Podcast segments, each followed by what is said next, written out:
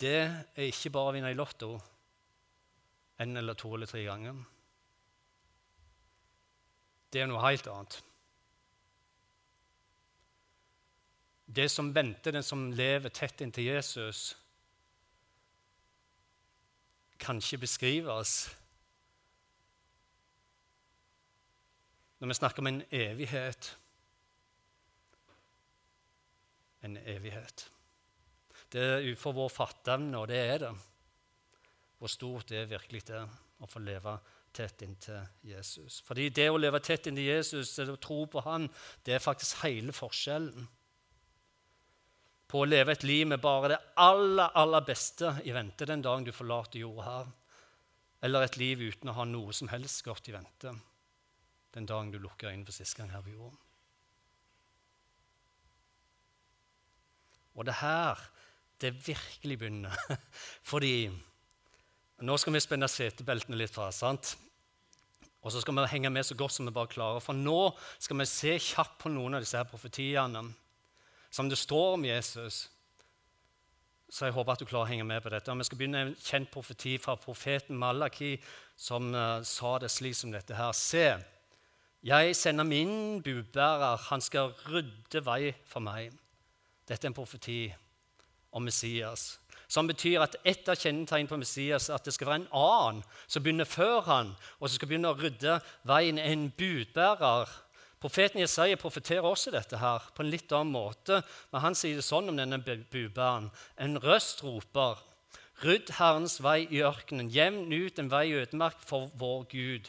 Og Døperen Johannes var denne budbæreren. Det var han som rydda veien, som sto fram og profeterte foran Jesus. Dette ble profetert om mange hundre år før. Hvis han skal være Messias, så må det være en som kommer før han og sier 'Der kommer Messias'. Det er det første tegnet som skulle fylle Messias, Jesus. Et annet kjennetegn var at han skulle gjøre store mirakler. Og Jesaja profeterte dette om Jesus ca. 700 år før det skjedde. Da skal blinde øyne åpnes og døve ører lukkes opp. Da skal den lamme springe som en hjort, og den stumme tunge skal juble. For vann bryter fram i ørkenen og bekker i ødemarken. Du ser det at evangeliene, historien om Jesus Når du leser evangeliet, dette er historien om Jesus. Flere profetier sier han skal undervise i lignelser. Salme 78 sier det sånn som dette her. Lytt, mitt folk, til min lov. Vend øret til ordene fra min munn. Jeg vil åpne munnen, jeg vil tale i bilder, la gåter for gammel tid strømme fram. Dette gjorde Jesus hele tida. Du, du, må forklare oss dette, her, Jesus. Vi forstår ikke hva du sier. Nei, det er fordi jeg snakker i lignelse, jeg snakker i bilder. En annen profeti som han måtte oppfylle for å være Messias, var at han skulle begynne sin tjeneste i Galilea. Ingen annet sted, men i Galilea. Folkeslagene i Galilea, det er folket som vandrer i mørket, ser stort lys over dem som bor i dødsskyggens land. Stråler lyset fram. En annen profeti Messias måtte passe inn i, var at han skulle komme for å helbrede de nedbrutte og de med knuste hjerter. Når Jesus for første gang skulle stå fram som den han var, for å dele hvem han var, og hvorfor han var herren, så gjør han det hjemme i synagogen i Kapernaum. Og Han kommer på denne dagen her, og akkurat denne dagen når han kom inn, så får han overlevert en skriftrull. Og sånn som det var da med, med, med, i synagogen på den tida, så fulgte den jødiske skikk og kultur. De hadde eh, årshjul. Så tekstene fulgte på rekker. Og akkurat denne dagen, når Jesus kom inn og de spør kan du lese, så overrekker de en skriftrull fra Jesaja 61, hvor han leser faktisk om seg sjøl. Og det er der det kommer ut for første gang. Bare hør hva han sier om seg sjøl. En skriftrull som har vært der i 700 år, en profeti. Herrens ånd over meg, står Jesus og leser. For Herren har salvet meg han har sendt meg for å forkynne et godt budskap for hjelpeløse, for å forbinde den som har knust hjerte, for å rope frihet for den som er i fangenskap, og frigjøring for dem som er bonde, for å rope ut et nåden oss sår for Herren og en hevnens dag for vår Gud, for å trøste alle som sørger. Hør, det var dette Jesus gjorde. En urgammel profeti som skulle vise dette er kjennetegn på Messias. Og det var nøyaktig det han gjorde. Og har og kaller oss til å fortsette med.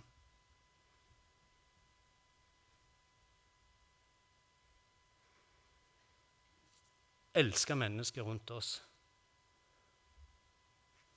Vær der for dem. Hjelpe dem. Sette fokus. Være menighet for de hjelpeløse, de som har knust hjertet, de som livet har gått i stykker for. Det er kallet. Ikke være så perfekt at det faktisk er mulig å komme inn. Ikke ha så høy terskel at den som er knust, ikke orker å være til stede.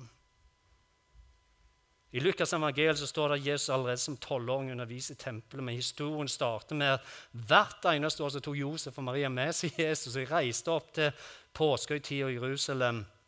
Og Jerusalem som nå er tolv år, han forsvinner plutselig fra reisefølget. Og Da står videre at Josef og Maria de leter febrilsk etter Jesus. Og når de finner Jesus, så sitter han i tempelet som tolvåring og underviser de lærde. Og jeg kan love deg at det som skjer her, det er ikke vanlig. Det er helt uvanlig, og det er helt, helt unikt. For det står at det forbløffer de lærde. De undrer seg over hvor forstandig denne her tolvåringen var. Forstandig som betyr ekstra klok, spesielt sunn, fornuftig og intelligent. Han var ikke annonsert. Han kom rett inn i tempelet som tolvåring og nærmest overhumplet de. Og de blir tatt på sengen hele gjengen, og de blir forbløffa, står det. I Salme 3 så står det en profeti, en 3000 år gammel profeti ca. En profeti som kong David fikk.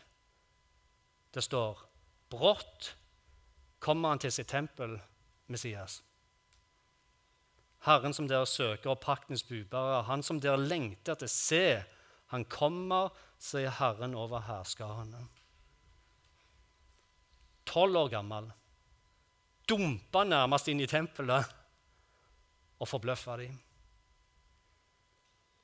Ca. 550 år før det skjedde, profeterte Zakaria at denne Messias de venta på, han skulle ri inn i Jerusalem til stor jubel, men ikke på hest som konger her, for å gjøre Nei, han, ikke triumferer han med rikdom eller med makt og storhet.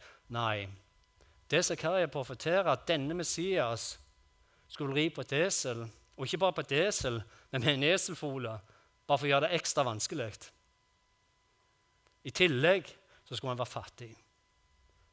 Det står Bryt ut i jubel, datter Sion. Rop av glede, datter Jerusalem. Se, din konge kommer til deg. Han er rettferdig og han er rik på seier. Fattig er han og ri på et esel, på en eselfole.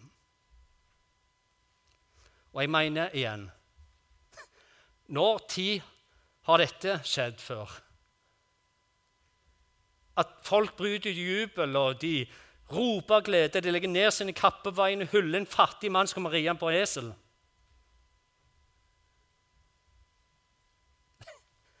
Aldri har det skjedd før, og aldri siden.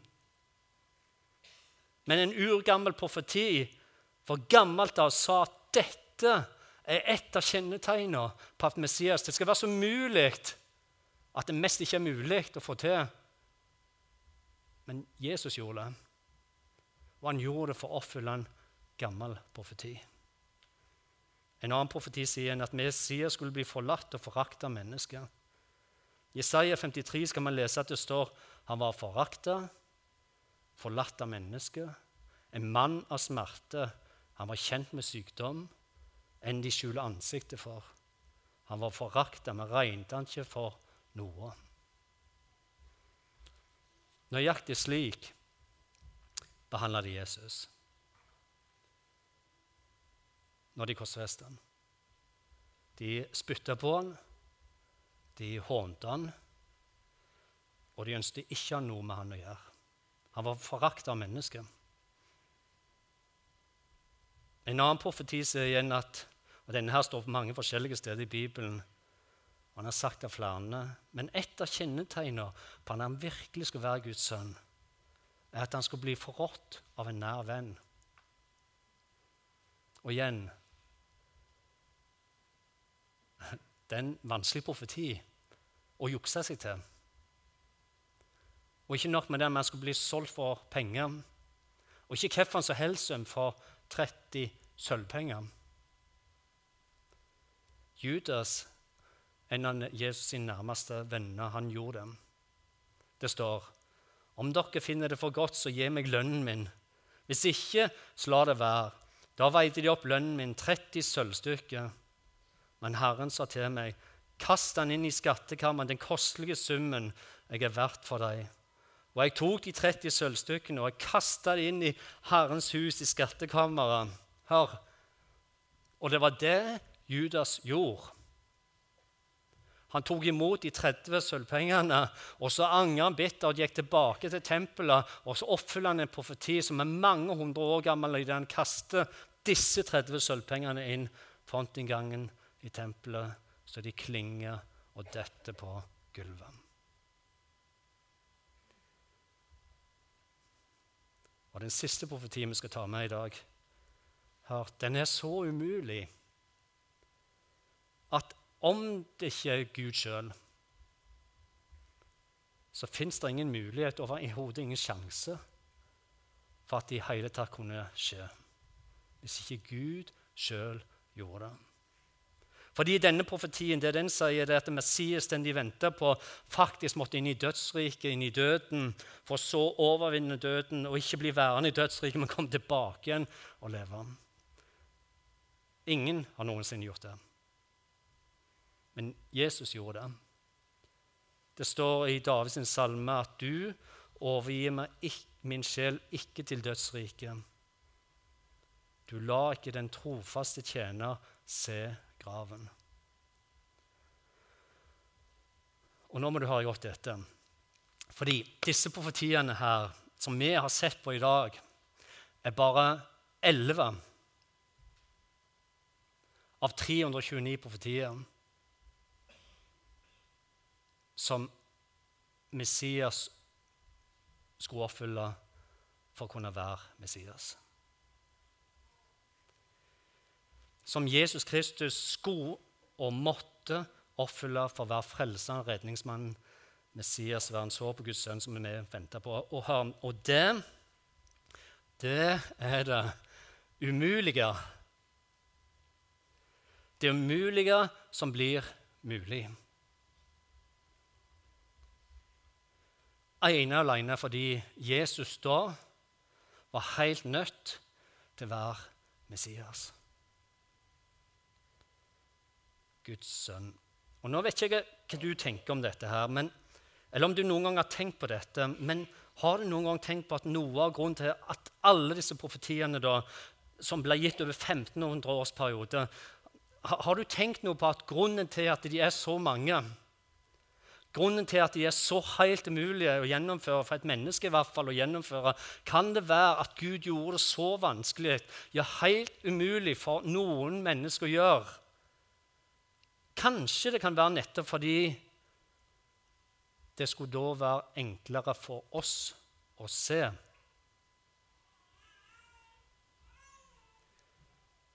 Ja, se at den eneste løsningen her, som er logisk, faktisk det, det er helt logisk Den eneste løsningen her er faktisk at Jesus Kristus virkelig er Messias, den levende Guds sønn. Det historiske materialet viser det. Som igjen betyr at han alene er svaret på alle profetiene og dermed den eneste veien til Gud og til himmelen, det evige livet.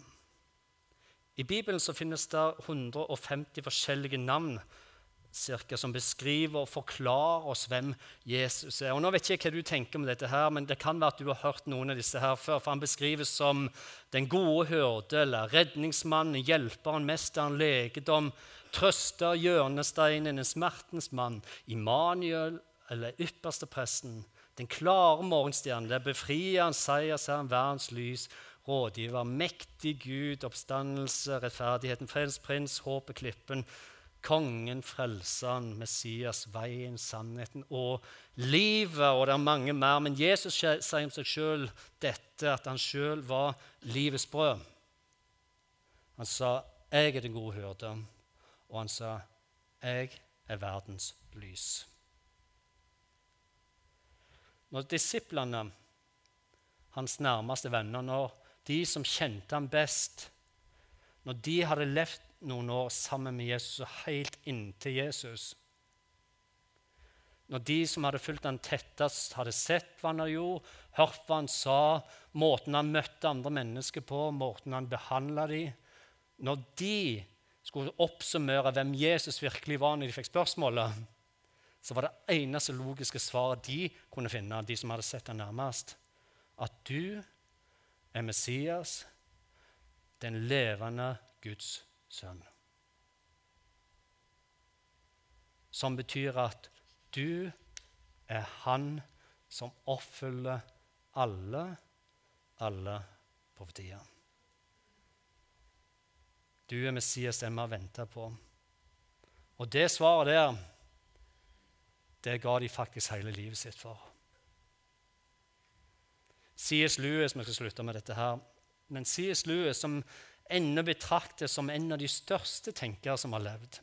Og som har skrevet utrolig mange flotte bøker, som igjen også har blitt til filmer. noen av disse bøkene.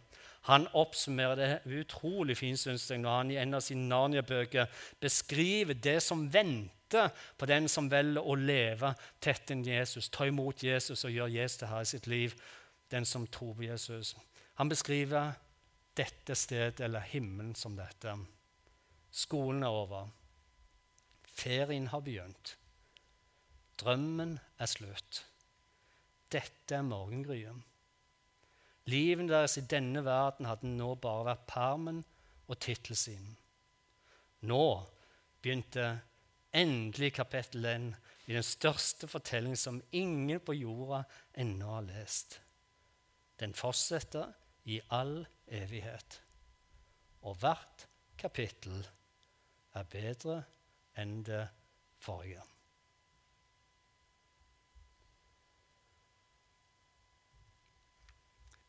Og det synes jeg er så flott at det burde nesten stått i Bibelen. Hæ? Men hør Det var dette Jesus kom for. Å fikse det som før var ødelagt. Å åpne det som før var lukka. Å gjøre mulig det som før var umulig. Å gi hver eneste en av oss muligheten til å få lov til å løfte våre øyne hver dag. Akkurat der vi er liv i dag. Og vite at uansett hvordan dette livet ser ut her og nå, så lover han deg at om du velger å si ja til han, så er dette livet her bare begynnelsen på en fantastisk fortsettelse. Fordi livet her på jorda, det er bare permen. Det er bare tittelsida. Det virkelige livet. Og de flotte og gode kapitlene de venter ennå på oss. Som sier ja, og som velger å leve tett inntil Jesus. Fordi, helt helt til slutt, for nøyaktig på samme måte som Jesus oppfylte løftene og profetiene om Han så kommer han til å oppfylle og holde den loven i forhold til oss. 100% Er vi sikre på det? Det er 100% Om vi tviler, tviler ikke på han. Om vi mister fokus, han mister ikke fokus. Om vi vingler opp og ned, han vingler aldri. Nei. Han er trofast. Han er klippen. Du kan hvile i han. Senke skuldrene og vite at du er 100% elsket. 100% elsket. Amen. Skal vi be sammen til slutt?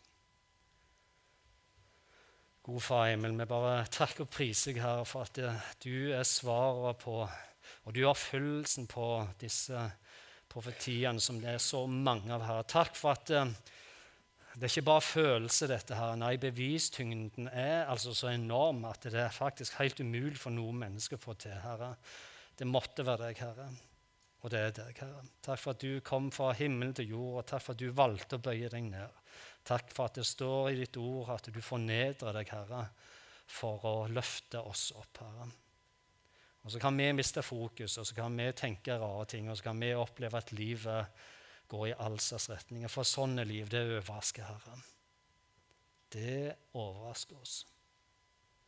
Men takk da, Herre, for at det er sånn at uansett hvor vi er hen i dag, uansett hva livet har kommet med til oss i dag, så lover du, Herre, at ett ja til deg, det å leve inn til deg, det vil føre oss hjem til slutt, uansett hvor vi er i dag. Derfor du lover hver eneste en av oss at vi aldri, aldri skal gå alene. For du er der alltid, i alle ting. Hjelp oss da til å invitere deg inn i alle ting, Herre. Den av oss som sliter med synd, Herre. Den av oss som sliter med noe i familien, Herre. Den av oss som kjemper med tvil eller med sorg eller hva det enn skulle være. Hjelp oss til å invitere deg inn, Herre. Kom du og rør med oss, og kom du og vær nær. Rør vårt liv og led vårt liv. Det ber vi om i Jesu Kristi navn. Takk for at vi får lov til å leve inntil deg. Amen.